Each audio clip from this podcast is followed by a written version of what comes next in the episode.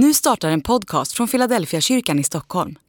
Om du vill komma i kontakt med oss, skriv gärna ett mejl till hejfiladelfiakyrkan.se.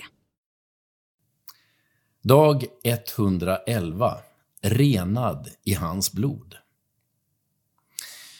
Ni står inför Gud, allas domare, inför andarna av de rättfärdiga som har fullkomnats och inför Jesus, förmedlaren av ett nytt förbund och det renande blod som talar starkare än Abels. Hebreerbrevet kapitel 12, vers 23 och 24. Man blir väl inte ren av blod? Ändå talar och sjunger vi i kyrkan om blodet som renar från synd.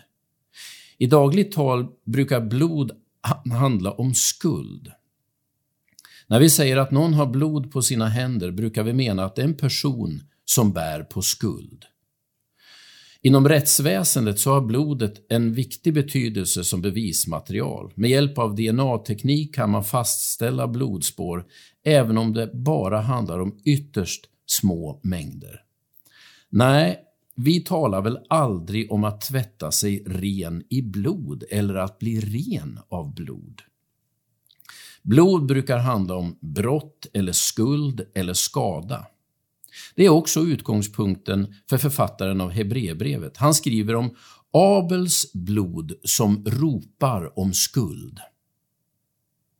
Det var Kain som slog ihjäl sin bror på grund av avundsjuka. Då säger Gud till Kain att hans brors, brors blod ropar till mig från marken. Abels blod var ett blod som talade om skuld, ungefär som vi brukar tala om blod. Men med Jesu blod är det annorlunda.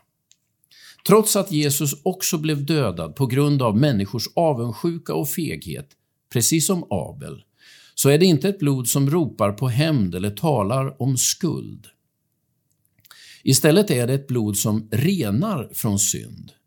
Jesus är nämligen inte ute efter rättvisa, utan efter försoning och förlåtelse.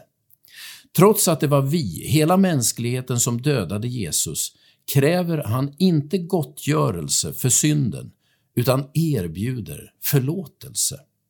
Jesu blod är inte ett blod som vittnar om synd, utan ett blod som renar från synd.